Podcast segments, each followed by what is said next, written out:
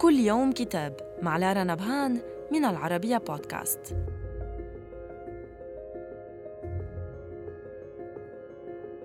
نتناول اليوم كتاب الأيام للكاتب والناقد المصري طه حسين.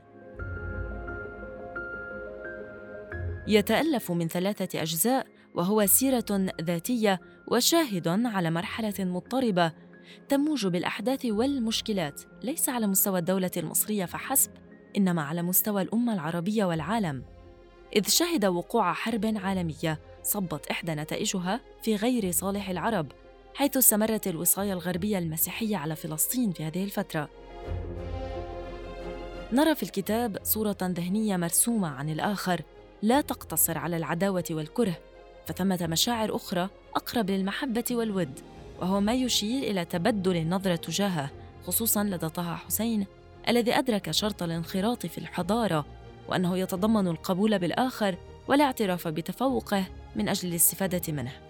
واتسمت هذه الصورة أيضا بالصدق وعدم التحيز كما أنها أهملت العدائية تجاهه إذ استفادت من علومه ومعارفه وتواصلت معه مكانيا عبر إكمال الدراسة على أراضيه متوجة ذلك بالزواج من فتاة فرنسية أعجب بها الكاتب وأحبها.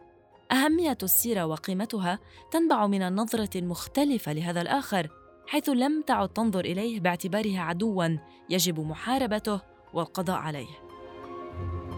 صدر الكتاب عن دار التنوع الثقافي، وإلى اللقاء مع كتاب جديد.